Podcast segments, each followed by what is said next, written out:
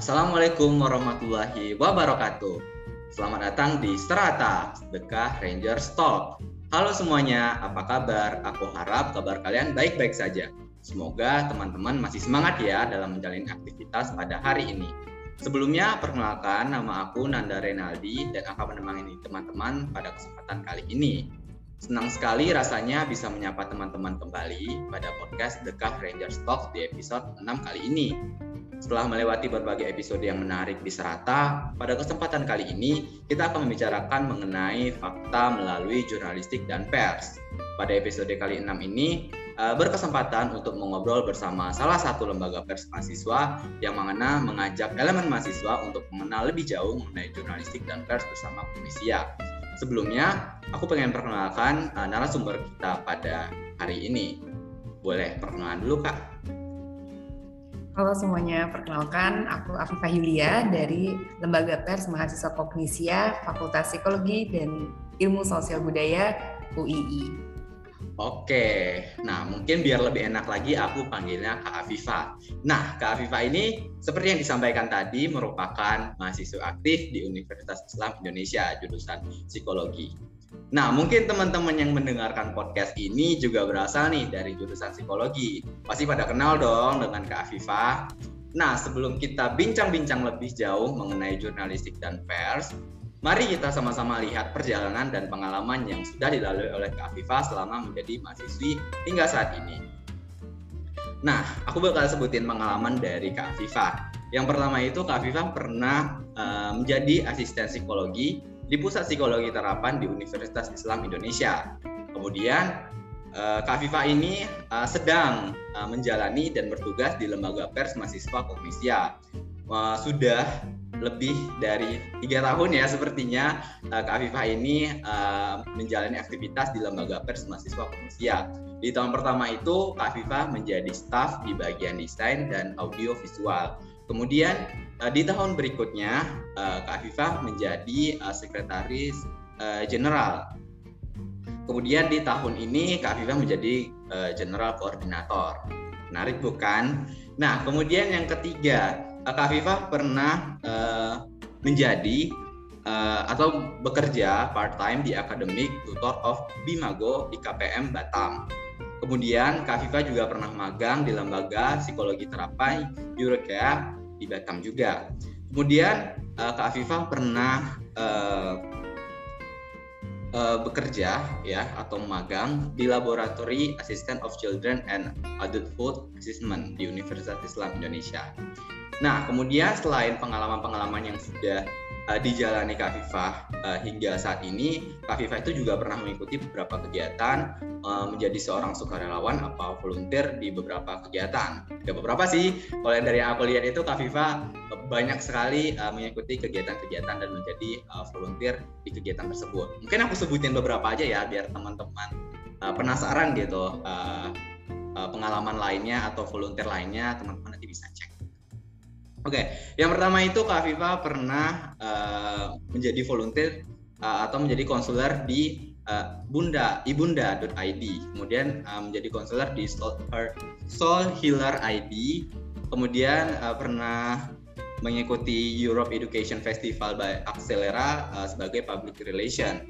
Kemudian Kak Viva pernah uh, menjadi volunteer uh, di Touch Development Center uh, dalam kegiatan volunteer of step out from insecurities uh, movement campaign.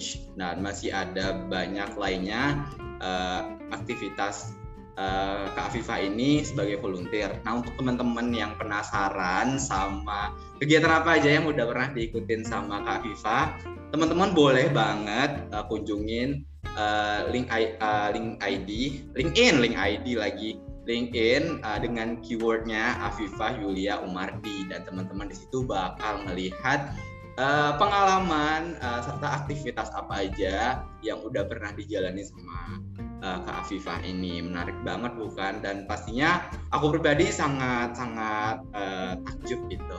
Karena selama uh, masa perkuliahan dari mahasiswa baru sampai sekarang ini sudah banyak banget pengalaman yang udah uh, dijalani sama Kak Viva. Bisa menjadi contoh yang baik buat teman-teman juga nih mungkin masih pada bingung uh, pengen uh, berkegiatan atau beraktivitas apa. Itu mungkin boleh mulai aja dari yang teman-teman sukai. Itu. Nah uh, gimana nih kak Viva? Kira-kira uh, dari apa yang udah aku sampaikan rata-rata bener nggak sih informasinya Maton ntar ada yang ngira kalau misalnya ini nggak bener lagi gitu. Nah mungkin Kak Viva boleh cerita sedikit gitu terkait pengalaman yang mungkin mengesankan dari Kak Viva selama menjadi mahasiswa dan sampai sekarang. Ya ya aku setuju sih kata Nanda tadi. Kalau misalnya sebagai mahasiswa mungkin kita bingung nih mau ngapain mau ngisi mau ngisi uh, pengalaman ya mau mengisi waktu-waktu kita selama menjadi mahasiswa ini tuh mau apa aja gitu. Nah, aku tertarik kata Nanda tadi mulai dari yang kamu sukai. Nah, dari beberapa hal yang aku lakukan tadi yang sempat Nanda bacakan itu memang hal-hal yang aku sukai gitu. Jadi bisa banget nih teman-teman nih di highlight. Kita bisa mulai dari hal-hal yang kita sukai, apa pun itu gitu. Oke, makasih banyak Kak Hifah. Nah, bener banget tuh. Kalau teman-teman bingung itu harus cari tahu dulu apa yang teman-teman sukai. Dan yang paling penting jangan ikutin teman-teman ya, gitu. Gak usah ikutin teman-teman yang lain gitu, karena pastinya nanti kamu gak bakal bisa ngikutin. Gitu. Oke, karena kita udah uh, lihat nih uh, background dari Kak Viva, nah mungkin biar nggak berlama-lama lagi, kita masuk ke topik pembahasan kita uh, pada hari ini gitu. Nah, mungkin sebelum kita masuk ke inti pembahasan, nah mungkin teman-teman pada penasaran kayak kognisia itu apa sih? Mungkin masih ada yang belum tahu kognisia itu apa. Nah, cus kita bareng-bareng uh, sedikit menggali atau mendalami terkait kognisia. Nah, mungkin aku mau nanya dulu nih sama Kak Viva. Nah, kan Kak Viva udah tiga tahun nih uh, uh, menjalani aktivitas di lembaga pers kognisia. Mungkin boleh gitu sedikit uh, dijelaskan secara singkat uh, kapan sih bentuknya lembaga pers kognisia ini? Ya, jadi uh, Kognisia itu dulu sebelum menjadi lembaga khusus di FPSD UII itu tuh uh, merupakan kayak sekumpulan orang-orang yang suka berdiskusi gitu mungkin ya bisa dibilang. Nah, jadi kelompok diskusi ini dulu namanya suluk gitu. Nah, kelompok di kelompok diskusi ini setiap anggota itu tuh secara bergilir mendapatkan apa namanya uh, jadwal. Jadi secara bergilir mereka tuh dapat jadwal untuk menjadi pembicara di uh, forum diskusi itu gitu. Nah, di tanggal 13 April 1997 baru deh Kognisia ini uh, dilegalkan sebagai lembaga khusus di FPSB UII gitu. Kenapa namanya Kognisia? Karena uh, kogni, uh, berasal dari kata kognisi gitu, yang secara harfiah itu artinya upaya untuk memperoleh dan mendapatkan dan penafsiran terhadap realitas di sekitar gitu. Jadi asal mulanya kognisia seperti itu. Oke, menarik banget ya teman-teman dari penjelasan Kak Afifah ini uh, mungkin sudah sedikit tergambarkan oleh teman-teman uh, bahwa perspektifnya itu seperti apa gitu. Nah, aku juga pengen tahu nih gitu uh, sebelumnya Kak Afifah kan udah lama banget nih gabung sama lembaga perspektifnya ini. Kira-kira sebelum kakak gabung gitu, ada nggak sih pertimbangan uh, yang kakak lakukan gitu sebelum kakak gabung ke lembaga pers kognisia ini. Nah, mungkin boleh dikasih tahu sama teman-teman kita nih sedikit perjalanan kakak uh, sebelum bergabung ke pers kognisia. Oke, jadi uh, pertama kali aku kenal kognisia itu waktu masa-masanya ospek. Jadi waktu masa-masanya ospek itu kan kita diperkenalkan ya dengan UKM UKM apa aja yang ada di kampus, terus ada organisasi apa aja gitu. Nah, aku pribadi itu merujuk lagi yang kata Nanda, mulai dari yang kamu suka. Nah, aku tuh suka dengan sesuatu uh, yang berbau media atau berbau komunikasi gitu. Aku suka bagian desain nih sebenarnya. Nah, terus waktu aku paspek ada nih pro apa pengenalan lembaga, ada lembaga pers mahasiswa kognisia. Aku pribadi kurang suka sebenarnya sama organisasi organisasi yang uh, mungkin terkesan serius gitu. Nah, aku melihat oh di LPM Kognisia ini uh, kayaknya bukan organisasi yang seserius itu. Jadi kayak mungkin bisa dibilang santai gitu. Nah, di lain sisi di Kognisia ini juga ada uh, divisi-divisinya kan uh, banyak nih. Salah satunya itu desain audiovisual. Nah, karena aku pengen banget belajar desain, jadi aku udah apa namanya ya udah niat nih sejak aku ospek oke okay, nanti kalau misalnya udah mulai perkuliahan udah mulai buka pendaftaran aku mau daftar di LPM Kognisia gitu Oke, menarik banget bukan sih? Uh, baru mulai ospek aja udah langsung tertarik sama lembaga yang ada di UII. Dulu kayaknya aku kalau misalnya ospek kayaknya gak terlalu merhatiin kali ya, kayaknya aku mahasiswa yang tidak harus dicontoh ya teman-teman. Iya, karena uh, aku waktu itu nggak nggak kalau misalnya ada lembaga pertopisia gitu. Aku suka sih sama media-media, tapi aku nggak nggak pandai editing. Sedih nggak sih? Nggak apa-apa. Jadi bisa belajar kan ya kak ya kalau untuk Iya belajar. Ya, bisa buat teman-teman gak usah takut karena sesuatu itu pasti kita belajar dulu nggak ada yang langsung bisa ya kak ya mm-hmm, benar ya, benar benar banget nah tadi kak Afifah sedikit menyinggung soal divisi nah bincang-bincang nih mungkin teman-teman ada yang belum tahu di komisi itu ya divisi apa aja sih? Nah tadi Kak Afifah udah sebutin salah satunya yaitu desain audio visual ya Kak ya. Mm-hmm. Nah mungkin apalagi nih Kak divisi yang ada di Kognisia? Ya, uh, namanya juga organisasi ya. Suatu lembaga pasti banyak divisi divisi-divisinya. Nah, kalau di Kognisia sendiri itu divisinya ada HRD, terus ada redaksi. Kalau HRD jelas ya untuk apa namanya pengembangan uh, sumber daya manusianya. Terus ada redaksi karena Kognisia ini bergerak di bidang pers, di bidang jurnalistik. Jadi pasti ada bagian redaksinya yang bagian tulis menulis, olah data segala macam. Nah, terus ada bagian DAV tadi, desain audiovisual yang tugasnya untuk memvisualisasikan uh, bahan-bahan tulisan yang dari redaksi tadi. Terus yang terakhir ada jaringan kerja dan marketing. Itu bagian um, kayak uh, humasnya gitu mungkin ya. Antara uh, kognisia dengan di luarnya kognisia gitu dengan internal begitu. Oke, nah tadi udah dijelasin tuh sama Kak Afifa terkait divisi apa aja yang ada di lembaga pers kognisia. Tadi ada HRD, ada redaksi, ada jaringan, ada desain audiovisual. Nah mungkin buat teman-teman yang nantinya atau periode berikutnya pengen daftar di lembaga pers kognisia bisa didengarin lagi nih podcastnya atau lebih didalami lagi di media sosial yang dimiliki pers kognisia gitu teman-teman. Nah kira-kira nih kita nanya nggak sih sama Kak Afifa kira-kira pendaftaran untuk lembaga pers kognisia uh, periode berikutnya kapan sih gitu? Boleh nggak sih ya kita tanya tanya aja kali. Kira-kira ada nggak kak informasi untuk hal tersebut? Boleh, boleh, boleh, boleh.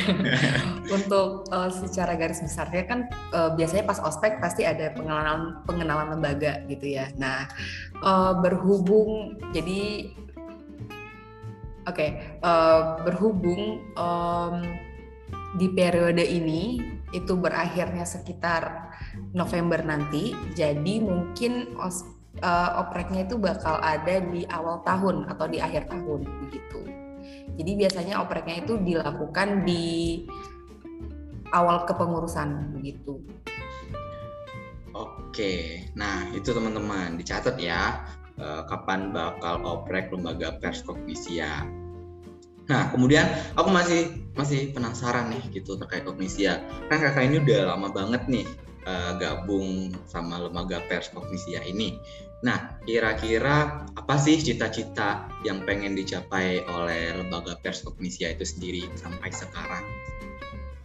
Ya, kalau untuk cita-citanya pastinya kita tuh selalu pengen untuk uh, menjadikan tulisan-tulisan kita itu sumber informasi bisa jadi sumber informasi yang bisa menambah uh, pengetahuan menambah, menambah informasi dan menambah wawasan untuk teman-teman yang membaca itu khususnya teman-teman di FPSB UI ini begitu.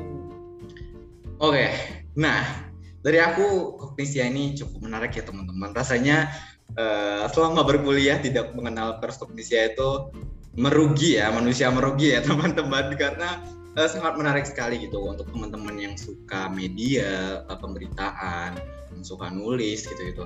Nah ini sangat-sangat cocok gitu buat teman-teman yang pengen uh, memulai gitu, entah itu organisasi gitu. gitu. Nah teman-teman bisa banget gitu untuk bergabung bersama lembaga pers Kognisia.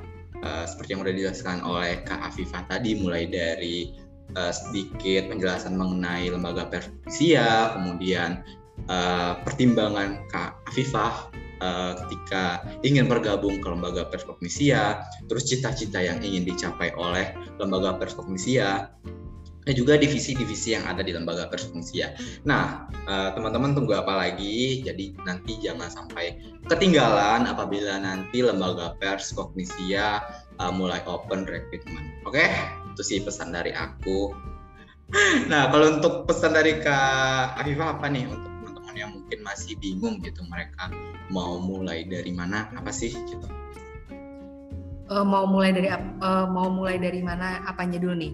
Uh, mungkin memulai uh, or pengalaman organisasinya mungkin atau mungkin kepanitiaannya gitu atau kegiatan-kegiatan lainnya Ya, um, kalau untuk memulai itu kita harus tahu dulu nih, uh, kita tuh sukanya apa.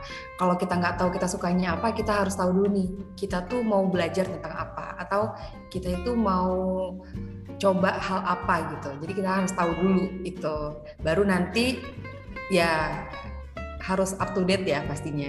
Jadi kalau misalnya ada oprek atau apa gitu, ikutin aja apa pun itu ikutin aja. Kalau misalnya kita suka masalah lulus atau lolos atau enggaknya itu belakangan gitu sih. Kalau kita mau mulai dulu gitu. Oke, nah tuh keren banget kan apa yang disampaikan sama Viva. Mulai aja dulu cari yang apa yang kamu sukai gitu. Nah, kan uh, lembaga performisia ini identik sama jurnalistik dan pers. Nah mungkin uh, teman-teman sebagian udah ada yang tahu mengenai jurnalistik dan pers. Nah mungkin dari teman-teman lainnya juga masih ada yang belum tahu nih jurnalistik dan pers tuh uh, bedanya apa sih gitu. Nah mungkin Kak Afifa boleh gitu kasih tahu ke teman-teman semua yang mendengarkan podcast kita hari ini apa sih bedanya jurnalistik dan pers.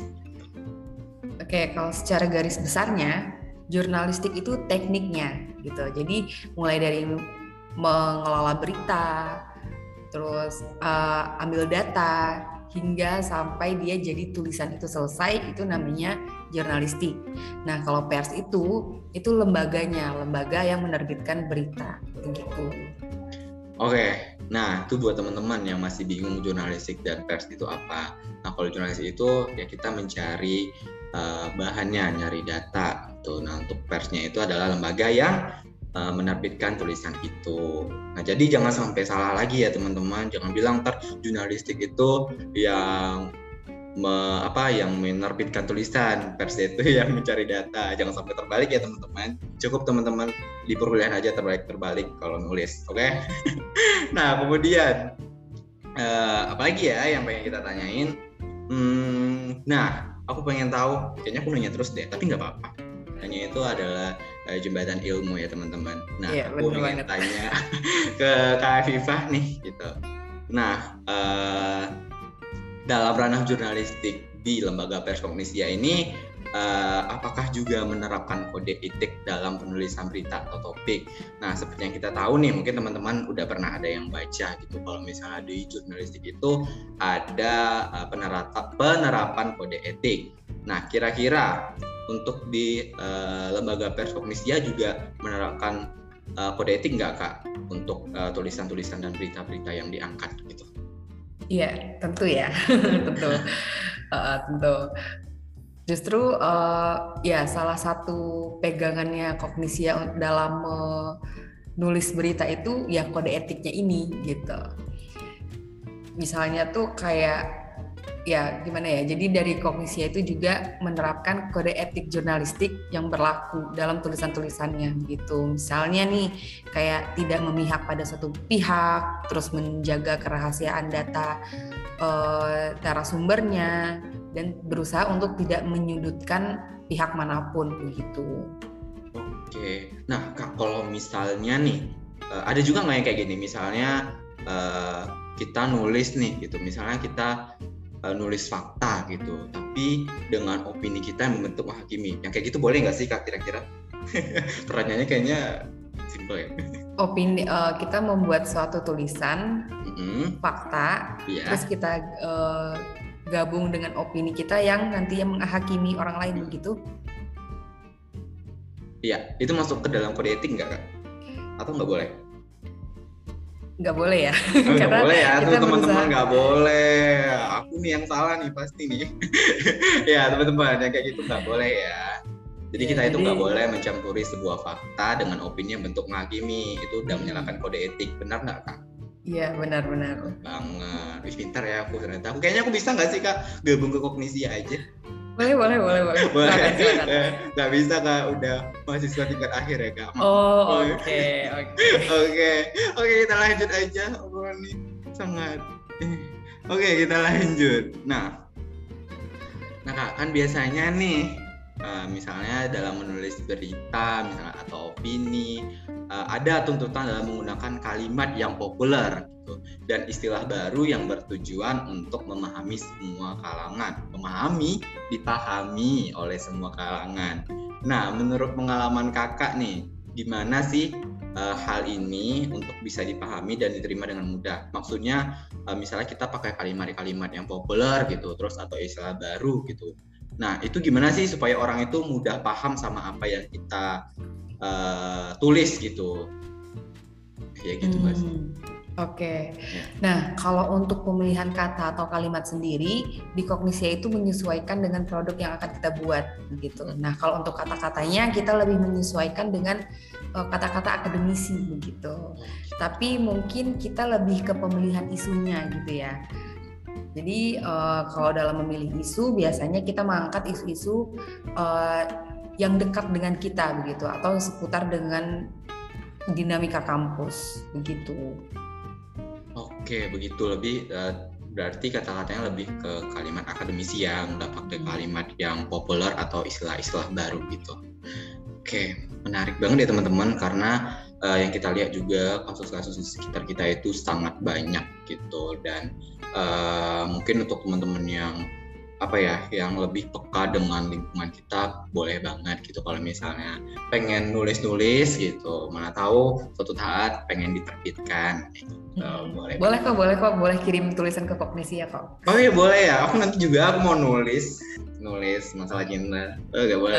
Uh. gak boleh ya kak ya. Kalau masalah cinta gak boleh teman-teman. Mungkin masalah cintanya mau dialihkan ke bentuk puisi atau cerpen gitu boleh oh gitu boleh boleh, boleh juga boleh oh juga. boleh banget teman-teman. Mungkin puisi cerpen kalau teman-teman ada yang galau ada yang sad boy sad girl boleh boleh ya teman-teman oke kita lanjut aja um, kita nanya-nanya kita pengen nanya-nanya aja gitu biar kita banyak kewasan dan ilmu pengetahuan yang baru ya teman-teman.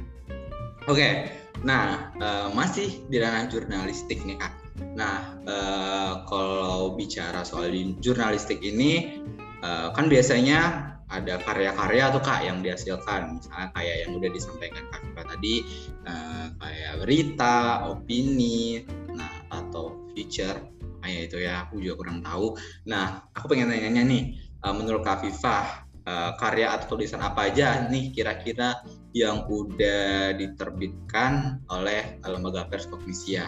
Mungkin boleh di-spill nih ke kita satu atau dua bentuk tulisan. Ya, ada. Yang disebutin tadi itu ada berita ada, opini ada, feature ada gitu. Um, jadi kalau sejauh ini ragam tulisan di Kognisia itu ada berita, ada feature, ada cerpen, ada puisi, ada esai juga, ada resensi gitu. Yang untuk lebih lengkapnya mungkin teman-teman bisa nih um, mengunjungi websitenya Kognisia di kognisia.co. Nah, itu Kak Viva udah uh, promosi itu. Ini ada endorse-nya ya, kayak dibayar. ya itu teman-teman untuk pengen lebih tahu lagi kunjungin website yang sudah disampaikan Viva tadi. Oke. Okay? Nah, kemudian uh, oh ya, aku sering loh Kak lihat-lihat postingan dari Kognisia dari awal. Oh iya. Seru-seru ya, menarik-menarik ya. Isu-isu yang tuh kayak lebih feel free gitu, kayak bebas nggak uh, terfokus sama satu topik aja gitu. Mm -hmm. Keren banget kognisinya oke okay. uh, apalagi ya yang pengen aku tanyain oh ya ini ada uh, satu pertanyaan yang pengen aku tanyain nah Uh, nah kan Kak Viva ini uh, udah lama nih gabung ke lembaga perskognisia ini nih terus yang aku sampaikan. Nah gimana sih Kak gitu sikap kita yang harus uh, kita lakukan gitu ketika ada stereotype. Stereotype itu kayak uh, perilaku buruk ataupun orang yang setuju dan gak setuju sama apa yang udah kita tulis. Entah itu mengenai se sebuah suku atau ras atau gender. Kadang kan ada nih kak orang yang kadang setuju sama apa yang kita tulis atau apa yang kita sampaikan. Nah kadang ada juga nih yang nggak setuju sama opini atau tulisan yang kita buat gitu dan biasanya hal ini kan emang suatu hal yang biasa gitu nah kakak nih sebagai salah satu apa ya pengurus gitu di lembaga pers kognisia kira-kira gimana sih kak nyara cara kita untuk menanggapi hal-hal seperti ini? Oke, okay.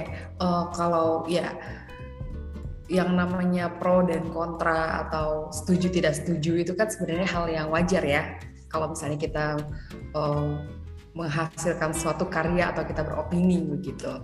Nah, kalau menurut aku pribadi sih hal itu nggak masalah gitu. Dan kalau dari kognisia sendiri nggak masalah juga gitu karena itu hal yang wajar gitu ya tapi kalau dari kognisia sendiri berusaha untuk tetap netral dalam menulis uh, berita-beritanya begitu jadi tidak uh, berusaha untuk tidak memihak ke suatu pihak kalau kecuali kalau misalnya dia memang sudah benar-benar terbukti salah gitu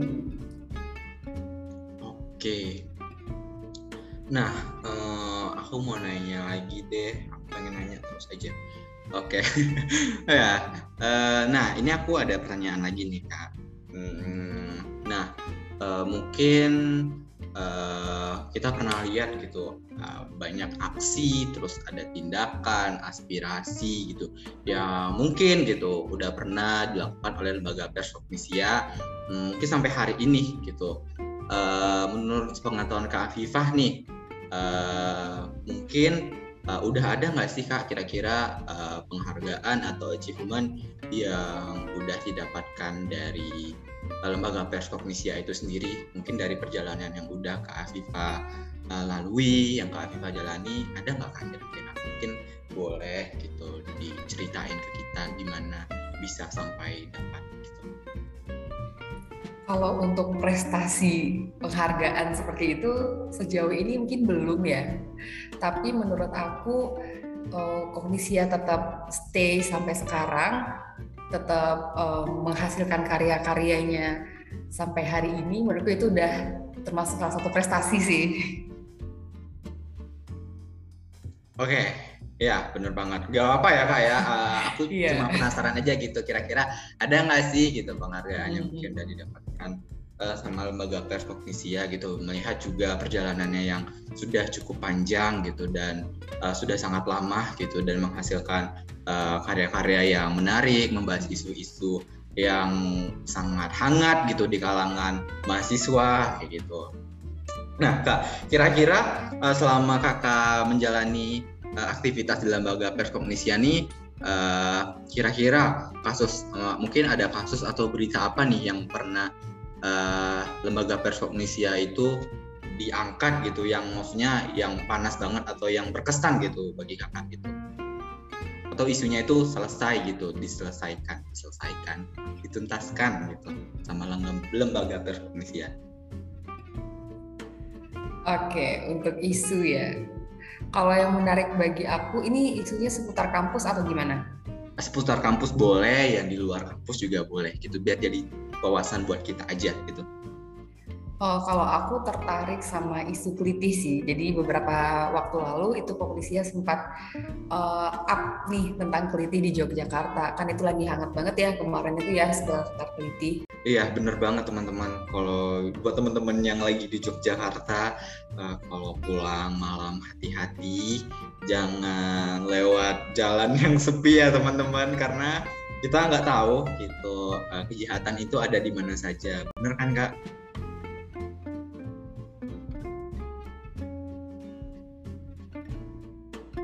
Nah, tadi udah disampaikan sama Kak Afifah gitu terkait isu yang uh, isu yang menurut Kak Viva itu uh, tertarik banget untuk dibahas yaitu salah satunya kritik tadi. Nah buat teman-teman yang sekiranya memiliki aktivitas sampai pagi hari, nah untuk pulangnya hati-hati ya teman-teman, jangan sampai lewat di jalan yang sekiranya sepi atau nggak ada satupun kendaraan yang lewat gitu. Karena kita nggak tahu ya kak, kalau misalnya kejahatan itu bisa datang dari mana aja teman-teman. Iya benar. Nah, benar Um, untuk menutup uh, sesi kita pada hari ini, nah uh, aku boleh dong minta uh, quotes dari Kak Afifah sebelum kita uh, menutup uh, sesi ini gitu untuk uh, memotivasi teman-teman kita semua yang mendengarkan podcast pada hari ini. Ya, kalau dari aku pribadi, berita itu atau apa pun yang kita dapatkan di sosial media gitu ya. Baik itu berita atau apa pun itu tujuannya kan untuk menambah informasi bagi kita untuk menambah pengetahuan gitu. Nah jadi sebagai orang yang menerima orang yang mengkonsumsi hal-hal tersebut silahkan diterima dengan terbuka um, ya karena setiap orang punya sudut pandangnya masing-masing begitu ya. Silahkan saling menghargai tapi bukan berarti kita harus menelan apa yang kita lihat itu secara mentah-mentah gitu. Jadi tetaplah menjadi apa namanya ya audiens yang bijak gitu dan tetap kritis begitu. Itu sih kalau dari aku. Oke, okay, makasih banyak buat Kak Viva quotesnya untuk kita hari ini. Nah, uh, sebelumnya aku mau bilang terima kasih banyak uh, pada Kak Afifah selaku pimpinan umum Loga Pers Mahasiswa Kognisia sudah berkesempatan hadir dan mengisi podcast kita pada hari ini dengan memberikan berbagai bentuk informasi yang menarik dan juga berbagi kisah pengalaman dan motivasi kepada teman-teman semua. Dan semoga apa yang disampaikan Kak Afifah tadi bisa bermanfaat dan menjadi pembelajaran baru bagi kita semua. Nah, mungkin buat teman-teman yang baru hadir dan juga mendengarkan podcast kali ini, jangan lupa follow Instagram, Twitter, TikTok Sedekah Sekitar UI dan juga Lembaga Pers Mahasiswa Komisia. Nah, boleh nih Kak disebutin media sosial apa aja nih yang dimiliki oleh Lembaga Pers Komisia biar teman-teman kita yang mendengarkan hari ini bisa cross check dan bisa mengunjungi media sosial dari Lembaga Pers Komisia. Nah, boleh disebutin nih Kak, apa aja? Oke, okay, kalau misalnya untuk di Instagram, Kognisia itu ada Pers Kognisia, at Pers Kognisia. Jadi teman-teman silahkan untuk mengunjungi, silahkan dibaca uh, tulisan-tulisannya. Dan untuk di website Kognisia ada kognisia.co, silahkan juga untuk dikunjungi dan dibaca tulisan-tulisannya begitu. Kalau misalnya teman-teman mau kirim tulisan juga boleh banget, boleh banget. Nah, itu jangan lupa ya teman-teman dikunjungi untuk Instagramnya jangan lupa di follow, jangan lupa dicek postingan yang dimiliki lembaga pers mahasiswa Kognisia. Nah, yang buat belum follow jangan lupa follow dan jangan lupa tinggalkan like, komen dan share ke teman-teman semuanya. Oke? Nah, kemudian harapannya nih semoga ke depannya hubungan komunitas dan lembaga kita terus terjaga dan bisa berkembang untuk lebih baik di masa yang akan datang serta bisa terus menjalin kerjasama di kesempatan berikutnya. Nah, izinkanlah saya Nanda Dendra Sofian dan Kak Afifah Yulia Umardi pamit undur diri di kesempatan kali ini. Semoga kita dapat bertemu lagi di keadaan yang lebih baik. Sampai jumpa di episode serata berikutnya. Serata, Sedekah, Ranger, Stop. Sampai jumpa teman-teman semuanya. Wassalamualaikum warahmatullahi wabarakatuh. Waalaikumsalam warahmatullahi wabarakatuh.